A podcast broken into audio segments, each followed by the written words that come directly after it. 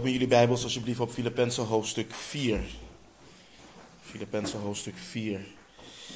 De versen waar ik jullie vanmorgen op wil richten zijn versen 10 tot en met 13. Versen 10 tot en met 13. Mocht je geen Bijbel bij je hebben en wil je een leenbijbel, we hebben leenbijbels beschikbaar. En mocht je helemaal geen Bijbel hebben, dan mag je die hebben als gift van ons en van de Heer. Ehm, we hebben ook notitieblokken weer beschikbaar. Dus als er mensen zijn die willen meeschrijven en uh, notities willen maken, we hebben ze weer. Filippenzen 10, of sorry, Filippenzen 4, vanaf vers 10 tot en met 13. Laten we lezen, dan bidden en ontdekken wat de Heer ons vanochtend wil leren. Paulus schrijft onder leiding van de Heilige Geest. En ik ben zeer verblijd geweest in de Heer dat uw denken aan mij eindelijk weer opgebloeid is. U hebt ook wel steeds aan mij gedacht, maar u hebt de gelegenheid niet gehad om het te tonen. Niet dat ik dit zeg vanwege gebrek, want ik heb geleerd tevreden te zijn in de omstandigheden waarin ik verkeer. En ik weet wat het is vernederd te worden. Ik weet ook wat het is overvloed te hebben. In elk opzicht en in alles ben ik ingewijd. Zowel in verzadigd te zijn als in honger te lijden zowel in overvloed te hebben als in gebrek te lijden. Alle dingen kan ik aan door Christus die mij kracht geeft. Laten we bidden. Vader, wat glorieuze dingen lezen wij in uw woord, Heer. En we danken u daarvoor. Danken u, Heer, dat u uw woord hebt gegeven, Heer. En dat het genoeg is, Heer. Dat het toereikend is, Heer. Dat het gegeven is om ons op te bouwen, om ons te bemoedigen, om ons toe te rusten om ons te vermanen, uh, terecht te wijzen, Heer. Doe met ons wat u vanochtend wilt, Vader. We houden van u en we danken u in de naam van onze Heer Jezus Christus. Amen. De afgelopen weken hebben we eh, stilgestaan bij hoe we staande blijven in de Heer. Zowel als gemeente als individuen. Het is belangrijk om ons weer aan het volgende uh, te herinneren. De brief aan de Filippenzen is geen individualistische brief. Um, de meeste aansporingen die de apostel Paulus geeft in deze brief zijn in de context van de gemeente en horen ook in de context van de gemeente toegepast te worden. En we hebben gezien dat met uitzonderingen van denk zo'n twee of drie keer. Drie keer wanneer je het woord u ziet in het Grieks, is het meervoudig. Paulus spreekt de gemeente uh, aan. Dit houdt in dat we niet als individuen de gezindheid moeten hebben die in Christus Jezus is. Um, dit houdt in dat we niet alleen als individuen het evangelie van Christus waardig moeten wandelen, dit houdt, in, of dit houdt niet in dat we niet als individuen met vrees en beven aan onze eigen zaligheid moeten werken. Al die dingen horen we te doen als individuen. Maar waar we ons vooral in dienen te beijveren, waar we naar dienen te streven als gemeente, is dat de thema's waar we bij hebben stilgestaan daadwerkelijk leven in onze fellowship.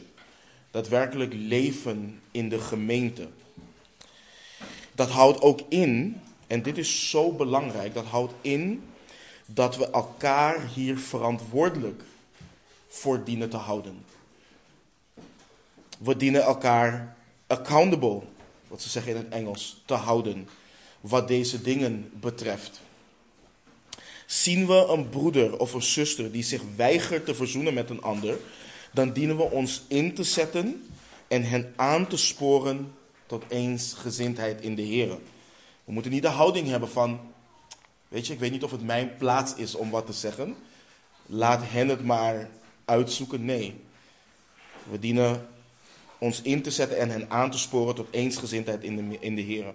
Zien we dat een broeder of een zuster continu verslagen door het leven gaat, totaal geen blijdschap heeft, alleen maar moord en klaagt en zichzelf alleen maar kastijdt dan dienen we die broeder of zuster niet alleen op te roepen tot verblijden, maar ook te wijzen en te discipelen in het feit dat er veel is waarover wij ons als discipelen, als kinderen van de Heer, uh, in kunnen verblijden. Zien we een gebrek aan zachtmoedigheid, welwillendheid, bereidwilligheid bij een broeder of een zuster, dan dienen we elkaar daarop te wijzen. En hetzelfde geldt voor overbezorgdheid, ons denken, ons handelen en ons wandelen. Dus laten wij geen gemeente zijn bestaande uit individuen die samenkomen iedere zondag, een oprecht goede tijd met elkaar hebben, maar de dienst tot ons nemen en verder gaan uitvogelen hoe we dit alleen gaan toepassen, alleen ons leven gaan leven, tot en met maandag, van maandag tot en met zaterdag, en elkaar dan weer op zondag zien. Nee, laten we ons leven met elkaar delen, elkaar actief discipelen in de Heer, elkaar actief opbouwen, aansporen, vermanen, bemoedigen en als het nodig is, elkaar actief in liefde terechtwijzen. Laten we doen zoals we vorige week hebben gezien. Laten we doen wat we hebben geleerd, ontvangen, gehoord en gezien hebben. Nu, broeders en zusters, geliefden. De apostel Paulus werkt nu naar het afronden van zijn brief. Hij heeft vanaf dit moment geen actieve aansporingen meer dan in vers 21 groet elke heilige in Christus Jezus. Dat is de enige aansporing, actieve aansporing die we nog tegenkomen. Maar toch zijn de versen die we zojuist hebben gelezen essentieel. Zijn heel essentieel, we kunnen er veel van leren. En laten we eerst beginnen met wat context en dan ontdekken wat wij kunnen leren en hoe we uh, wat we hebben gelezen kunnen toepassen. Vers 10. En ik ben zeer verblijd geweest in de Heer dat uw denken aan mij eindelijk weer opgebloeid is. U hebt ook wel steeds aan mij gedacht, maar u hebt de gelegenheid niet gehad om het te tonen. Toen we begonnen aan deze brief, hebben we stilgestaan bij de reden dat de apostel Paulus deze brief schreef. Paulus is op het moment van schrijven een gevangene. Hij zit niet in die vieze kerker met zijn voet vast in het blok, zoals we bijvoorbeeld in Handelingen 16 hebben kunnen lezen. Hij zit wel de hele dag vastgeketend aan een soldaat. Maar Paulus mag bezoek ontvangen. En in dit soort gevallen was het vaak dat je zelf moest voorzien in je noden. Dit was niet de Belmerbaaiers, waar je drie keer per dag of wat dan ook eten kreeg. Nee, je geliefden moesten voor je zorgen en voorzien in wat je nodig had. Nou, de Filippenzen die hebben dit gedaan. Die hebben uh, onze broeder Epaphroditus naar de apostel Paulus toegestuurd met een financiële gift. Daarnaast was Epaphroditus daar om de apostel Paulus bij te staan in praktische zaken.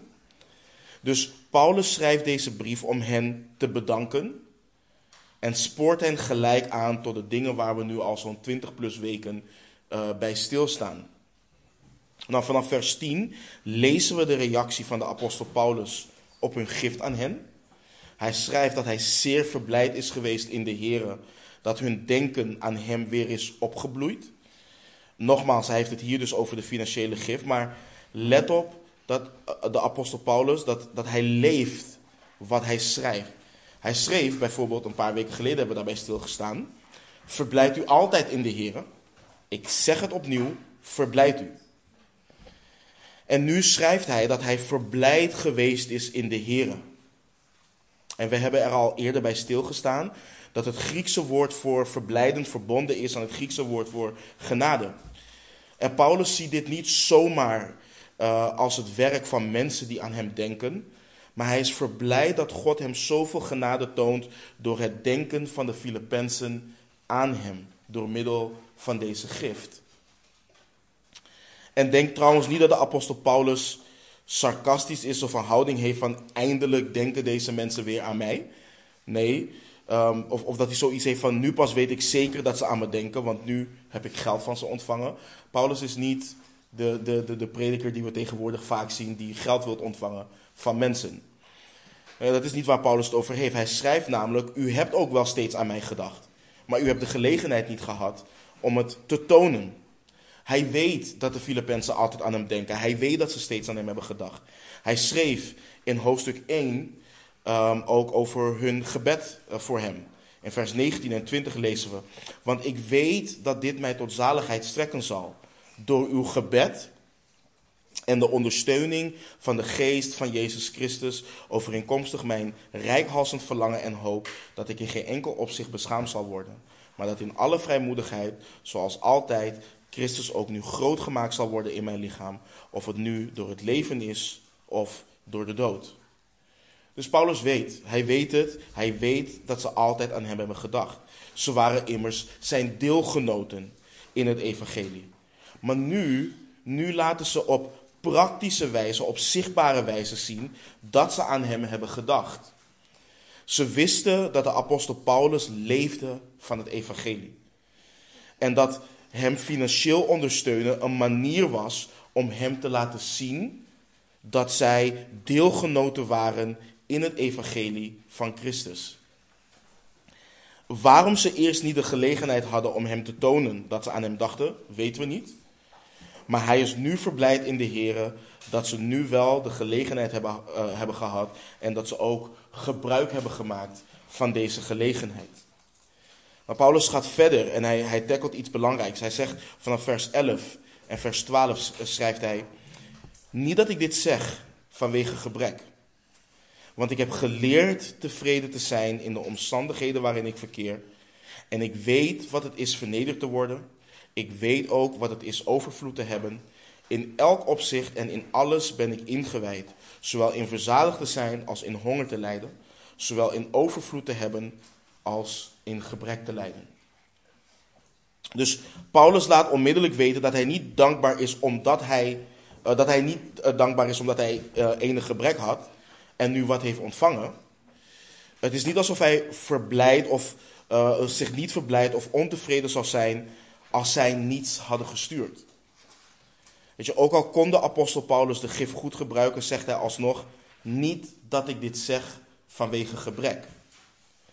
Hij zegt dit niet omdat hij arm is of omdat hij iets tekort komt. Waarom niet? Hij heeft geleerd.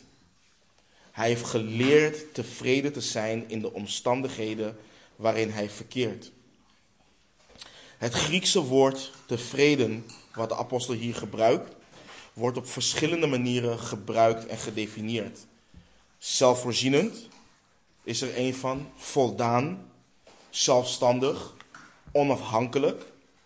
De Bijbelse context is echter belangrijk. Als je vers 12 erbij neemt, dan weet je wat dit betekent. Dit gaat over tevreden zijn in en omdat je leeft in en naar wat God wilt. En deze tevredenheid, tevredenheid uit zich ook wanneer je door het donkerste dal gaat, waar je ook doorheen kan gaan.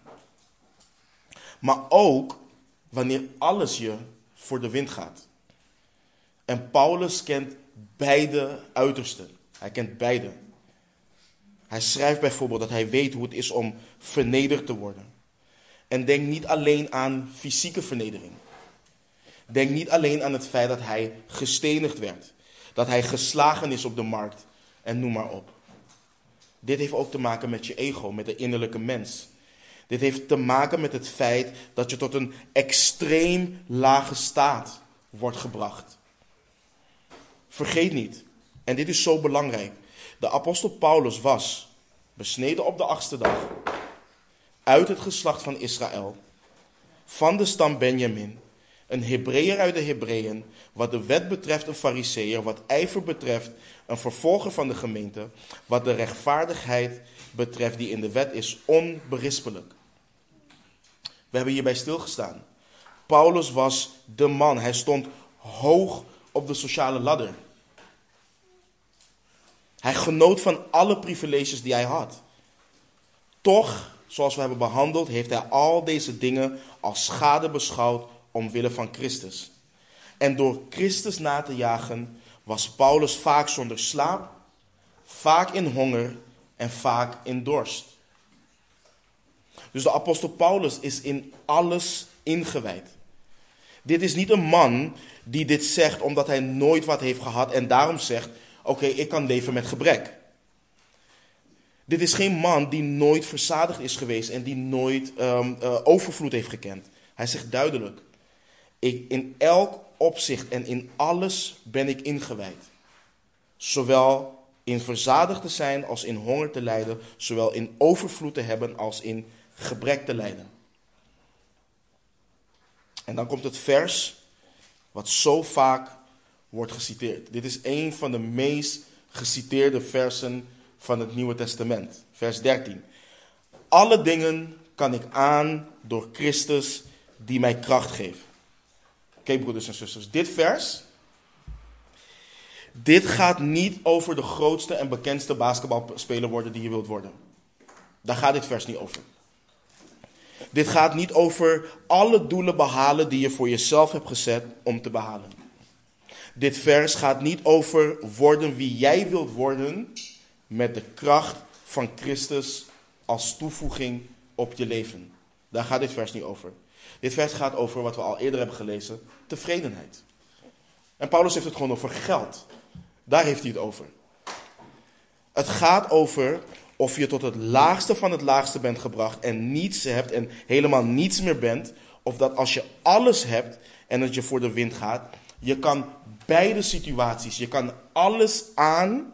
Je bent tevreden in Christus, je verblijdt je in Christus, want Hij geeft je kracht. Hij draagt jou. Daar gaat het om. Als je op social media zou gaan, zal je bij de meest wereldse mensen, zou je dit vers vaak in hun biografie tegenkomen. Alles aan door Christus die me kracht geeft, maar ze leven niet voor Christus. Dit vers, dat gaat niet daarover. Maar nu, broeders en zusters, wat betekent dit voor ons vandaag? Wat betekent dit voor ons vandaag de dag? Wat betekent dit voor ons hier in deze ruimte anno 2023? Kunnen wij waarlijk zeggen, kunnen we dat zeggen? Ik ben tevreden in en door Christus. Ik ben tevreden in en door Christus. Want als je om je heen kijkt, dan zie je dat de wereld niet tevreden is. De wereld is dat niet. Dat zie je alleen al aan de torenhoge schulden die mensen hebben. Alleen daaraan zie je dat al. Men wil altijd meer. Mensen willen meer. Men wil altijd nieuw. Men wil wat anderen hebben. En we denken dat als we dat geen hebben, waarvan we vinden dat het nu ontbreekt in ons leven, dat we dan tevreden zullen zijn. Maar dan komen we achter de trieste realiteit dat het helemaal niet zo is. En het verdrietige hieraan is, is dat dit, dit geldt niet alleen voor de wereld. Deze gedachte heerst helaas, maar al te vaak onder beleidende christenen. Deze gedachte heerste vaak in de kerk. Ontevredenheid. Bijvoorbeeld, als ik geen seculier werk zou hebben en fulltime voor de Heer zou werken, dan zou ik tevreden zijn. Ik heb die gedachte ook gehad. Maar stel je voor, je komt dan fulltime te werken voor de Heer. Je leeft van het evangelie. Dan kom je te werken in een gemeente als Korinthe. Of Galaten. Of stel je voor, je komt fulltime te arbeiden en de gemeente zit vol met gnostici, zoals we lezen, waar de apostel Johannes tegen vecht in 1 Johannes. Ben je dan tevreden? Ben je dan tevreden? Als ik een partner zou hebben, dan ben ik tevreden. Als mijn partner gelovig zou zijn, dan zou ik tevreden zijn. Als mijn kinderen maar zouden gehoorzamen, dan zou ik tevreden zijn. Als, als, als, als. Dan zou ik tevreden zijn. Hier lezen we een brief van een man. Een man die hier echt heeft gewandeld op aarde. Dit is geen sprookje, dat weten we. We geloven dat dit waar is. Een man die echt heeft gewandeld op aarde. Een man die zijn status in zijn Joodse gemeenschap is kwijtgeraakt. Een man die vijfmaal de 40 min 1 zweepslagen heeft ontvangen. Een man die driemaal gegezeld is met de roede. Een man die eenmaal uh, gegezeld is, een man die eenmaal gestenigd is, sorry. Een man die driemaal schipbreuk heeft geleden. Een man die een heel etmaal in de volle zee heeft doorgebracht. Een man die kerken heeft geplant om daar vervolgens weg te gaan en te zien hoe rovers de kerk binnenkwamen om de mensen weg te trekken van de genade in Christus Jezus. Een man waarvan zijn apostolische autoriteit continu werd ondermijnd in Korinthe. Die man, die man schrijft over tevredenheid en zich verblijden terwijl hij op dat moment een gevangene is. Hij schrijft dat. Hij schrijft dat. En nu is het volgende belangrijk om te beseffen. Ik heb net kort uitgelegd wat het woord uh, tevredenheid in het Grieks betekent. Griekse filosofen zijn bijvoorbeeld aan de haal gegaan met dit woord en hebben het zo ver gebracht dat tevredenheid betekent dat je verlost bent van iedere vorm van verlangen of noden. Maar dat is niet waar de apostel Paulus het over heeft. Tevredenheid betekent niet verlost zijn van al je verlangens en noden en de emoties die daarbij komen kijken. Daar gaat het niet om. Paulus verheugde zich. Hij verblijde zich in de Heer. Nogmaals, niet om de gave, maar omdat de gave liet zien dat de Filippenzen aan hem dachten en van hem hielden. Paulus leert bijvoorbeeld ook niet dat je niets of niemand meer nodig hebt, zoals de Griekse filosofen dat bijvoorbeeld deden. Dat is niet wat Paulus leert. We hebben elkaar nodig. We hebben elkaar nodig als broeders en zusters. Tevreden zijn houdt ook niet in dat je onverschillig bent en je genoegen neemt met de dingen zoals ze zijn. Dus als je geen werk hebt terwijl je kunt werken, nee, ik ben tevreden in Christus. Nee, dat is niet wat dit leert. Dat is luiheid. Dat is niet waar de apostel Paulus het over heeft. Dus wat betekent tevredenheid? Waar heeft Paulus het over? Paulus heeft het over een staat van innerlijke geestelijke rust of vrede, wat voortkomt uit onze relatie met God, wetend dat Hij de controle heeft over alles wat er met ons gebeurt. Het betekent dat we ons richten op het koninkrijk van God en Hem dienen niet op de liefde voor materiële zegeningen. En begrijp me niet verkeerd, als God ons materieel zegent, dan kunnen en moeten we daar dankbaar voor zijn en mogen we daarvan genieten, omdat we weten dat het van Hem komt. Maar de andere kant hoort ook waar te zijn, en dat is dat als Hij iedere vorm van rijkdom die we hier hebben wegneemt, dat we stand blijven houden met vreugde en met ons hart gericht op Hem.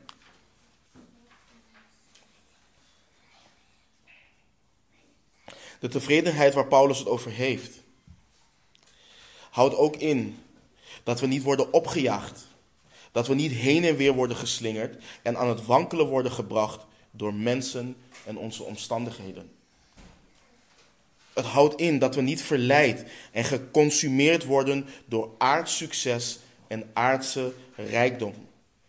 Want in ons leven, in ons leven als discipelen, staat de Heere Jezus Christus centraal. Dus ongeacht wat er gebeurt, ongeacht wat ons overkomt, blijven we staan omdat we weten dat de Heere God voor ons is en Hij ons nooit, maar dan ook nooit in de steek zal laten. Paulus schreef bijvoorbeeld aan Timotheus in 1 Timotheus 6, vers 6 tot en met 10. Hij schreef dit.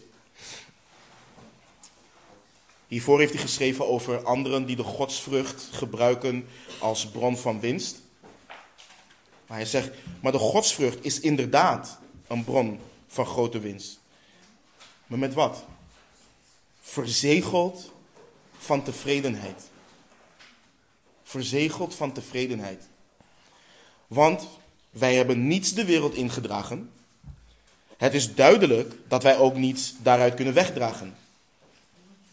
Als wij echter voedsel en kleding hebben, zullen wij daarmee tevreden zijn. Maar wie rijk wil worden, wie rijk willen worden, vallen in een verzoeking en in een strik en in veel dwaze en schadelijke begeerten die de mensen doen wegzinken in verderf en ondergang. Want geldzucht is een wortel van alle kwaad. Door daarna te verlangen zijn sommigen afgedwaald van het geloof en hebben zich met vele smarten doorstoken. Verzegeld met tevredenheid.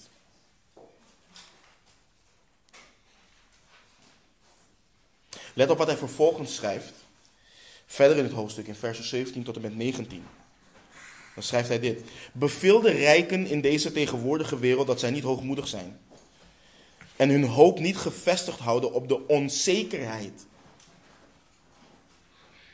van de rijkdom. Maar op de levende God die ons alle dingen in rijke mate verschaft om ervan te genieten. Ook om goed te doen, rijk te zijn in goede werken, vrijgevig te zijn en bereid om samen te delen. Zo verzamelen zij voor zichzelf een schat, een goed fundament voor de toekomst, opdat zij het eeuwige leven verkrijgen.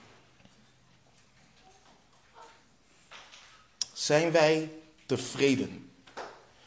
Als wij puur en puur kijken naar wat we hebben gezien, wat de definitie is daarvan. Als we kijken naar het leven van de apostel Paulus, als we kijken naar de levens van de rest van de apostelen, zijn we tevreden? Zijn we tevreden, ja of nee?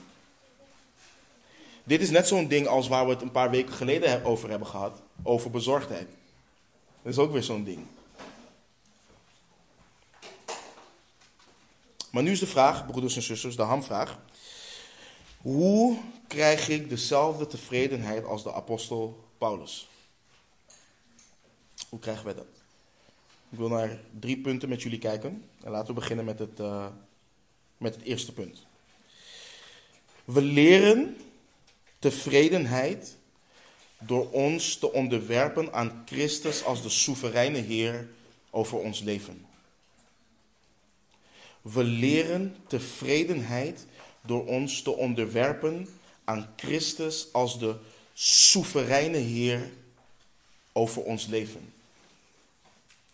Weet je, het is het christelijke, het is het christelijke ding om te zeggen dat God in controle is over alle dingen en dat Hij heerst over alles. Het is christanees om dat te zeggen. Ons handelen laat echter vaak het tegenovergestelde zien. Dat is gewoon de realiteit. Ons handelen laat vaak het tegenovergestelde zien. Wanneer wij geloven, oprecht geloven, dat onze God soeverein is, dat Hij heerst, dat Hij regeert, dat Hij alles in de hand doet en dat Hij alles doet naar Zijn alwetendheid en dat alles wat Hij doet goed is, waarom zijn we dan zo vaak bezorgd, overbezorgd en ontevreden over de situaties waarin wij ons bevinden?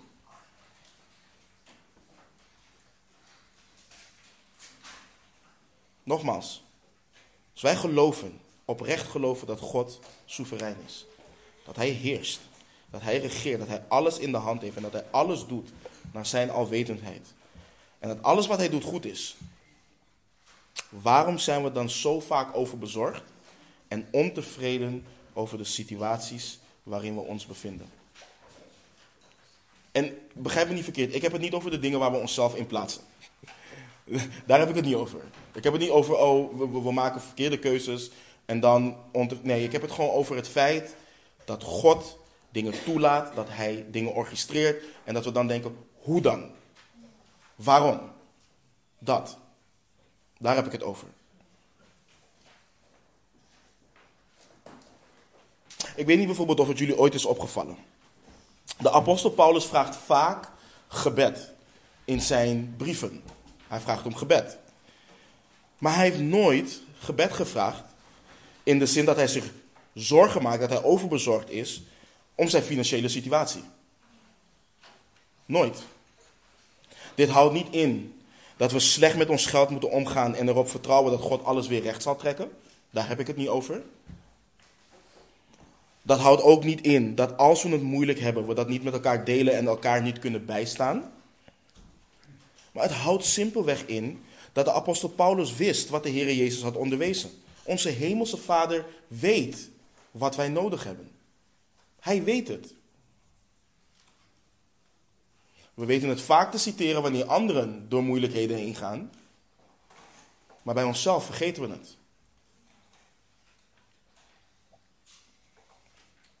Hij weet wat hij had onderwezen. Hij weet wat we nodig hebben en zal voorzien in hetgeen wat we nodig hebben.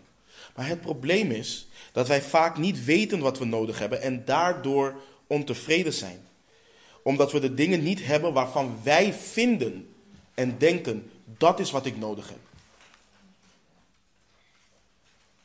Wij vullen vaak zelf in. Dit is wat ik nodig heb. Broeders en zusters, moeten we de juiste keuzes maken? Absoluut.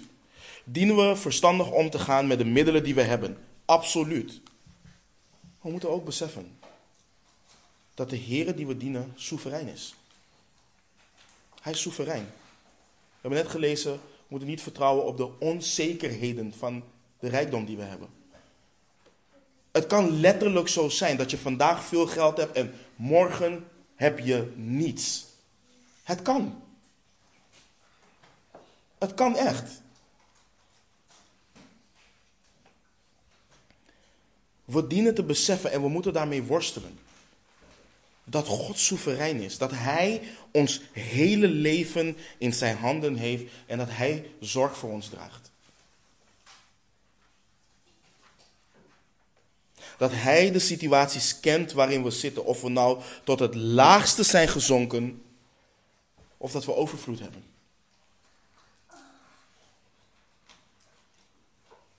En wat we dienen te doen is ons onderschikken met vreugde aan Hem die Alpha en Omega is. Twijfel niet aan God.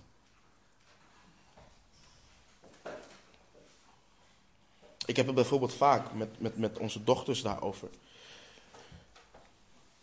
Hoe graag zou ik het willen dat ik ze zie opgroeien, zie trouwen, kinderen zie krijgen, dat ik opa word. Maar ik weet dat het me niet gegeven is. Ik weet dat het geen zekerheid is. En ik leer ze ook dat ze daar nu al mee moeten dealen. God is soeverein. Hij bepaalt wanneer mijn leven is begonnen. Hij bepaalt wanneer het ophoudt. Hij bepaalt dat.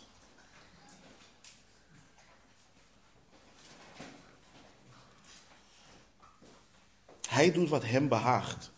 De psalmist schreef in Psalm 115, vers 3: onze God is immers in de hemel. Hij doet al wat hem behaagt. En de enige manier dat je in dit vers absolute, maar dan ook absolute rust kunt vinden, is wanneer je weet en gelooft dat God goed is. Je zult er nooit rust in vinden als je niet weet en gelooft dat God goed is.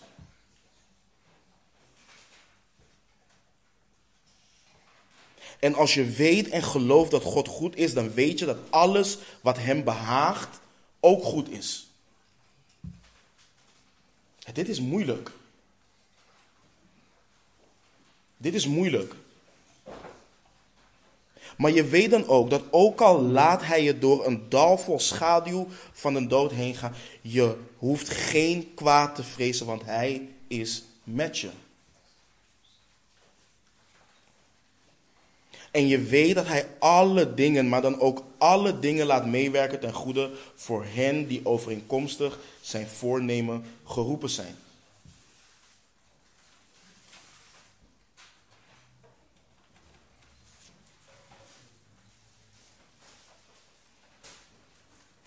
Soms ook zelfs ongelovigen komen naar ons toe zeggen van, yo, ik, weet je, als ik kijk naar alle gekheid die in de wereld gebeurt, ik ben blij dat ik 30 jaar, 40 jaar geleden mijn kinderen heb gehad en niet nu jong vader of moeder ben geworden. Ik prijs de Heer dat ik leef in deze tijd.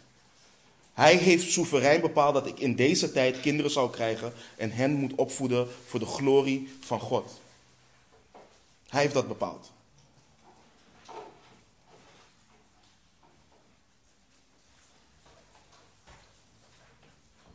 We zouden kunnen uitroepen met de profeet Jeremia in Jeremia 32 vers 17, vers 17. Ach, Heere, Heere, zie. U hebt de hemel en de aarde gemaakt door uw grote kracht en door uw uitgestrekte arm. Niets is voor u te wonderlijk.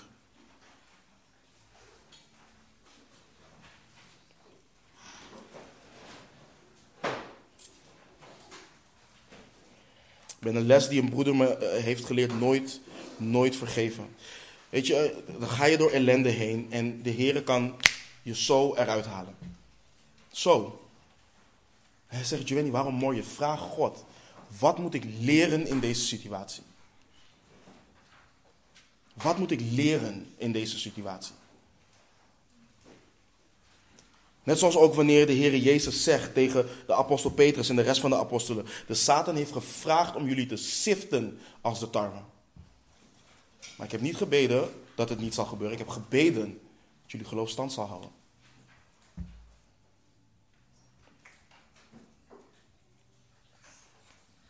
Dus we leren tevredenheid door ons te onderwerpen aan Christus als de soevereine Heer over ons leven. Het tweede punt. We leren tevredenheid door ons volledig te richten op het dienen van onze zaligmaker. We leren tevredenheid door ons te richten, ons volledig te richten op het dienen van onze zaligmaker. Wat schreef de apostel Paulus in hoofdstuk 1, vers 22? Filippenzen 1, vers 22. Maar blijf ik leven in het vlees? betekent maar één ding dan betekent dit voor mij vruchtbaar werk. En wat ik verkiezen zal, weet ik niet.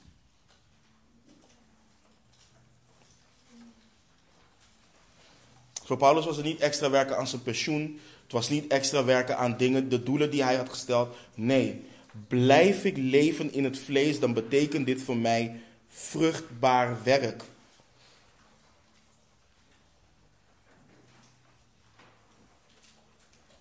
En dit komt overeen met wat de Heer Jezus zei in Matthäus 6, vers 33.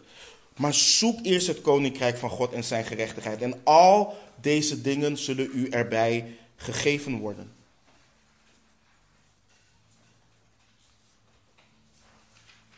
Leven wij puur om Hem te dienen? Leven wij puur om Hem te dienen? Is dat waarom wij leven? Is dat waar ons leven op gericht is? In ieder aspect van het leven. In mijn huwelijk, in het opvoeden van mijn kinderen, als werknemer, als buurman of als buurvrouw, als kind van mijn moeder en mijn vader. In ieder aspect van mijn leven leef ik om Hem te dienen.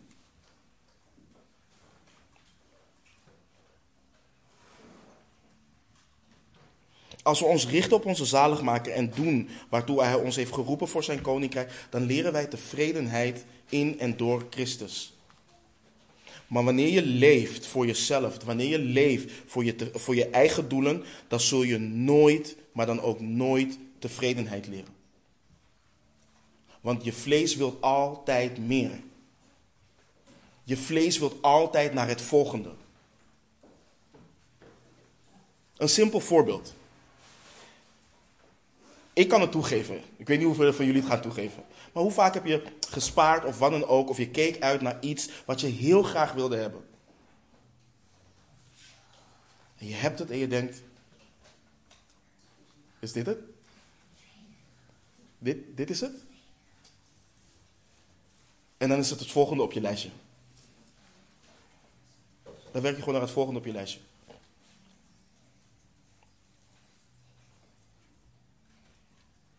Wij denken dat het alleen zo met kinderen is. Dat alleen wanneer je dat kind speelgoed geeft en de kind gaat de hele week ermee los en de volgende week zie je het gewoon onder, onder zijn of haar bed liggen. Wij zijn hetzelfde. We zijn exact hetzelfde als volwassenen. Je nieuwe auto staat voor de deur. Wauw, volgende week. We zijn, we, we zijn gewoon zo.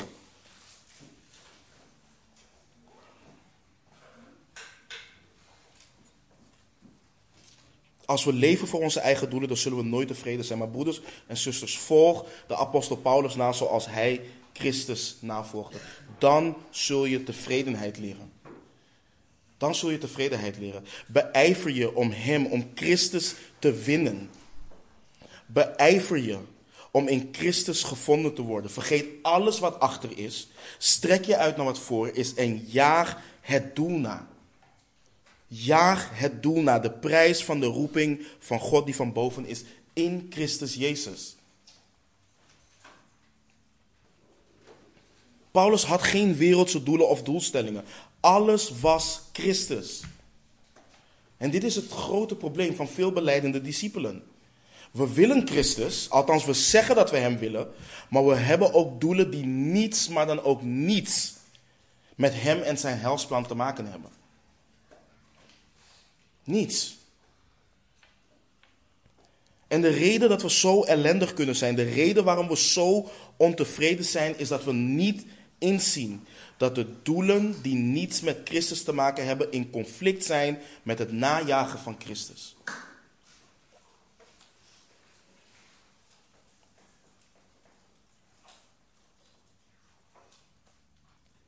Broeders en zusters, wij leven. Wij leven om God te dienen. Denk na over die uitspraak. Neem dat niet lichtelijk. Het is een gewichtige uitspraak. De hele wereld zoekt naar het antwoord op de vraag: wat is het doel van het leven? Waarom leef ik?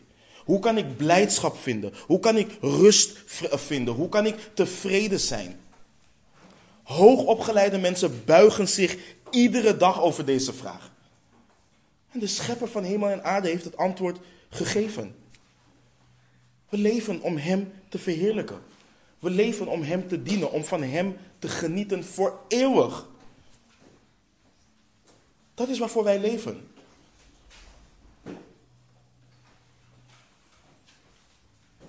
Maar ons probleem is als volgt. Wij zeggen dat we de Heer willen verheerlijken. Wij zeggen dat we Hem willen dienen, maar wij willen dat doen op een manier en met de dingen waar wij al ons hart op hebben gezet. Wij willen een leuke baan. En wanneer onze baan leuk is en we naar onze zin hebben, dan kunnen we goede werknemers zijn en God verheerlijken.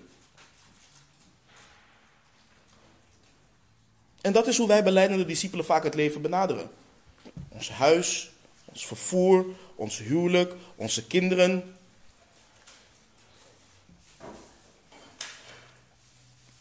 Als we lastige kinderen hebben, in plaats van ze disciplineren, denken we, weet je, als mijn kind maar gewoon luisterde, dan kon ik een goede christelijke ouder zijn en de Heer verheerlijken in mijn opvoeding. Nee.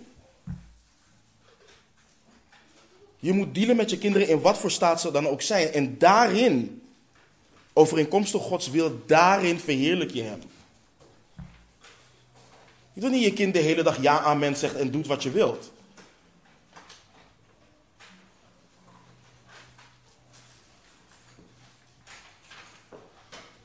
We vergeten of we beseffen niet wat voor voorrecht het is om de levende God, de schepper van hemel en aarde, te mogen dienen.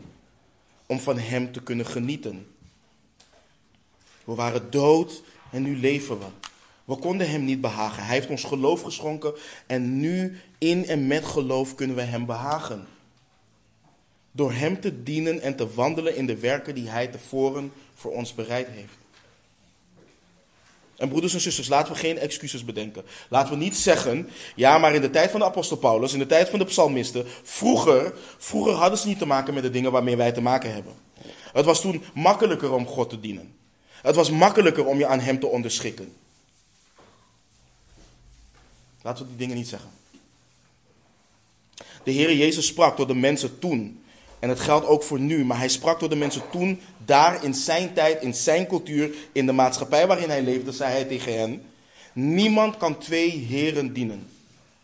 Want of hij zal de een haten en de ander liefhebben, of hij zal zich aan de een hechten en de ander minachten. U kunt niet God dienen en de mammon. Dat was toen al.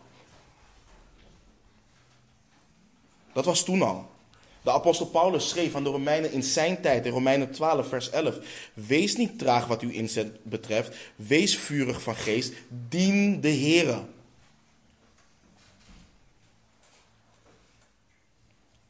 Doe alles wat je doet. Alles wat je doet voor de bevordering van het evangelie. De bevordering van het koninkrijk van God. Doe alles wat je doet om zijn naam te eren en om hem te loven en om hem te prijzen. De psalmist schreef in Psalm 86, vers 12: Heer, Heere, mijn God, ik zal u loven met heel mijn hart. Ik zal uw naam voor eeuwig eren.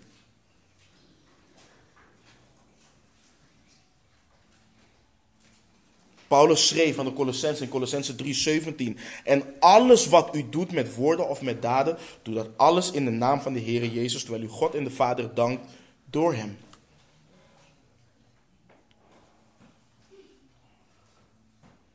Of die we kennen ook in Korinthe, 1 Korinthe 10 vers 31. Of u dus eet of drinkt of iets anders doet, doe alles tot eer van God. Doe alles tot eer van God. We leren tevredenheid door ons te richten op het dienen van onze zaligmaker. Ons derde en ons laatste punt. We leren tevredenheid door te erkennen en te rusten in het feit dat Jezus Christus toereikend is. En dit is waar wij heel veel moeite mee hebben. We leren tevredenheid door te erkennen en te rusten in het feit dat Christus toereikend is. Hij is toereikend, hij is alles. Dus we hebben het vaak over de, de, de toereikendheid van de schrift. Waar we het vaker over moeten hebben is de toereikendheid van Christus. Het is Christus, Hij die toereikend is, die de bron was van de kracht wat de apostel Paulus had. Paulus vond die kracht niet in zichzelf. Hij vond die kracht niet in de dingen die hij deed. Dit had niet te maken met positief denken en je problemen negeren en ontkennen. Nee, Paulus wist heel goed wanneer hij overvloed had. Hij wist heel goed wanneer hij gebrek had. Maar Paulus wist één ding. Iedere discipel is volmaakt in Christus geworden, zoals hij schrijft in Colossense 2, vers 10. En we hebben het hier niet over zonderloze perfectie. Maar een discipel heeft alles in Christus. Alles. Want Christus is alles. Een discipel heeft leven in Christus, want Christus is het leven. In hem is een discipel verzadigd, want hij is het levende manna wat van de Vader is neergedaald. In hem heeft een discipel geen dorst, want hij geeft het levende water. In hem wandelt een, wandelt een discipel niet in duisternis, want hij is het licht. En in hem zal een discipel nooit sterven, want hij is de opstanding in het, en het leven. In hem is een discipel veilig, want hij is de goede herder. En in hem groeit en draagt een discipel eeuwig vrucht, want hij is de ware wijnstok.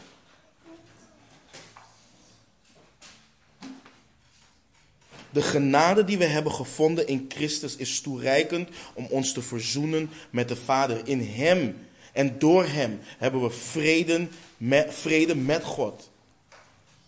En dat is wat we ons moeten beseffen, broeders en zusters. Ons grootste probleem in het leven is niet dat we onze zelfgestelde doelen niet zullen behalen. Het probleem van ieder mens is dat ze de heerlijkheid van God missen omdat ze gevallen zijn. En wanneer je opnieuw geboren bent door geloof in Jezus Christus voor de vergeving van je zonde, dan horen al die dingen weg te vallen. Wij moeten gaan inzien, we moeten gaan beseffen dat Jezus Christus niet gekomen is om ons te helpen te bereiken wat we willen bereiken. Hij is gekomen om te zoeken en zalig te maken wat verloren is. Hij is gekomen om zichzelf als losprijs te geven, want we zijn gebroken en verloren mensen. We zijn naarstig op zoek naar liefde, naarstig op zoek naar rust, naarstig op zoek naar vrede. En die dingen vinden we niet in onze omstandigheden. We vinden ze niet in mensen, hoe goed ze ook voor ons zijn, Hoeveel ze ook van ons houden en hoeveel wij ook van hen houden. We vinden ze door te weten, door te erkennen en te rusten in het feit dat God zijn liefde voor ons heeft bevestigd. Daarin dat Christus voor ons gestorven is toen wij nog zondaars waren. Dat is waar we het vinden. Want al zo lief had God de wereld dat hij zijn enige geboren zoon gegeven heeft, opdat ieder die in hem gelooft niet verloren gaat, maar eeuwig leven heeft. Broeders en zusters, laat dit je hoop zijn. Laat dit je kracht zijn. Wetend dat God trouw is geweest in alles. Wetend dat Hij jouw kracht is en je kracht geeft. En begrijp me niet verkeerd. Gods liefde maakt ons niet onverschillig. En zijn liefde maakt niet dat we zonder problemen of vervelende omstandigheden zullen zijn. Maar laten we ons richten op de hoop die we nu hebben en de hoop die ons te wachten staat. Zoals de apostel Paulus zo mooi schreef in Romeinen 8, vers 18. Kun je je voorstellen, alles wat hij heeft meegemaakt, dat hij dit schrijft? Want ik ben ervan overtuigd dat het lijden van de tegenwoordige tijd niet opweegt tegen de heerlijkheid die aan ons geopenbaard zal worden.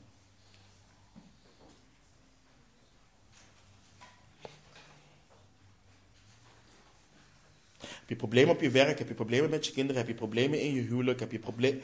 Richt je op Christus. Richt je op Hem. En op de hoop die ons te wachten staat.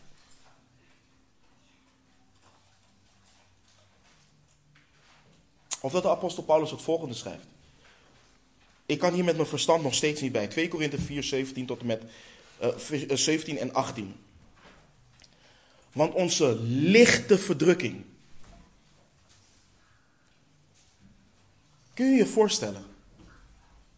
Onze lichte verdrukking, die van korte duur is. Laten we stoppen daar. Hoeveel van ons wanneer we door verdrukking heen gaan, wanneer we problemen hebben, wanneer we neergeslagen zijn, denk dit duurt een eeuwigheid. Wanneer houdt dit op? En hij schrijft, want onze lichte verdrukking, die van korte duur is, je kunt dit alleen schrijven als jouw hoop gericht is op de eeuwigheid. Alleen dan geloof je dit.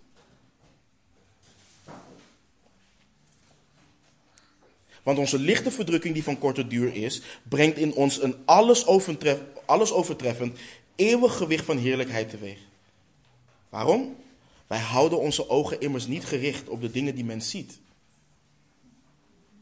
Maar op de dingen die men niet ziet. Want de dingen die men ziet zijn tijdelijk. Maar de dingen die men niet ziet zijn eeuwig.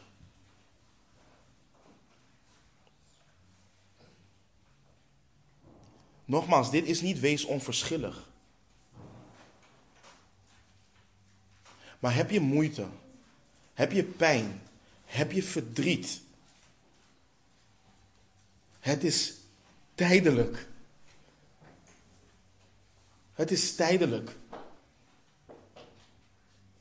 Wij zullen straks voor eeuwig met de koning der koningen zijn, met de heren der heren. Voor eeuwig.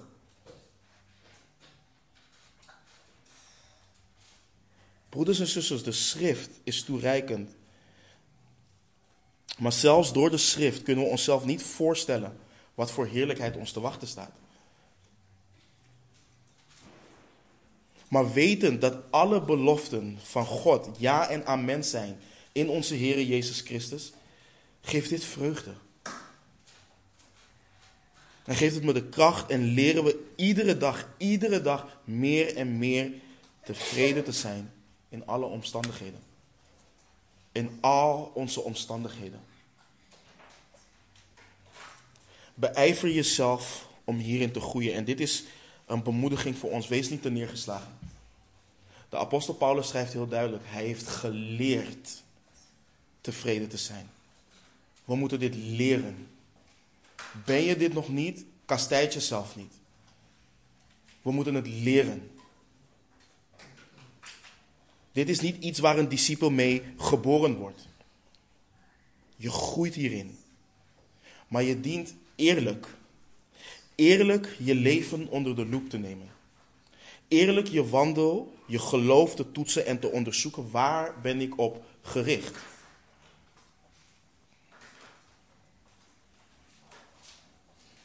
heb ik mezelf onderworpen aan de soevereine Heer.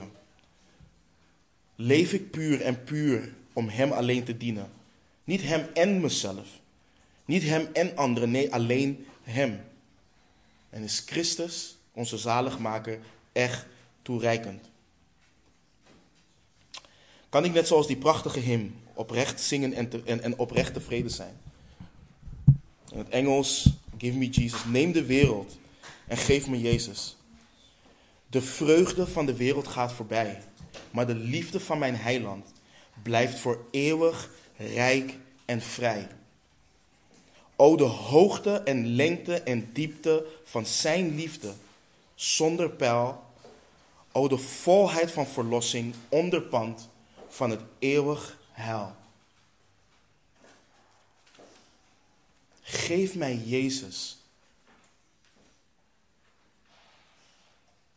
Broeders en zusters, mogen Christus alles voor ons zijn. En mogen wij tevreden zijn in Hem die klaar staat om ons iedere dag overvloedig te voorzien van Zijn kracht. Amen. Laten we bidden. O Vader, we kunnen niets anders, Heer, dan als gevallen, gebroken mensen toegeven en beleiden dat we zo vaak ontevreden zijn. Maar Heer, uw woord is goed. En uw woord hernieuwt ons denken. En mijn gebed is voor ons als broeders en zusters. Dat wij groeien en dat wij leren tevreden te zijn. Wat er ook op ons pad komt. Waar we ook mee te maken krijgen. En Heer, dat we settelen en dat we dealen met het feit dat Christus soeverein is. Dat u soeverein bent, Heer, en dat wij ons onderwerpen aan u, Heer. En Vader, dat we leven om u, o God, te dienen. En dat we kunnen beleiden en leven naar het feit dat Christus alles is, dat Hij toereikend is. Mogen onze kinderen, die nog jong zijn, dit nu al leren. Mogen u ons toerusten om hen dat te leren. Mogen u ons ook toerusten, Heer, om elkaar hierin te bemoedigen en op te bouwen. En elkaar hierin te onderwijzen en elkaar te leren. Heer, u geeft ons zoveel. U geeft ons iedere dag zoveel, Heer. En leer ons om tevreden daarin te zijn. Ik bid voor al mijn broeders en zusters die te maken hebben met moeite, met pijn, met verdriet, onzekerheid. Heer, u weet waar een ieder van ons doorheen gaat. Mogen we ons verblijden in de kracht en in de hoop van onze Heer Jezus Christus. In Jezus' naam. Amen.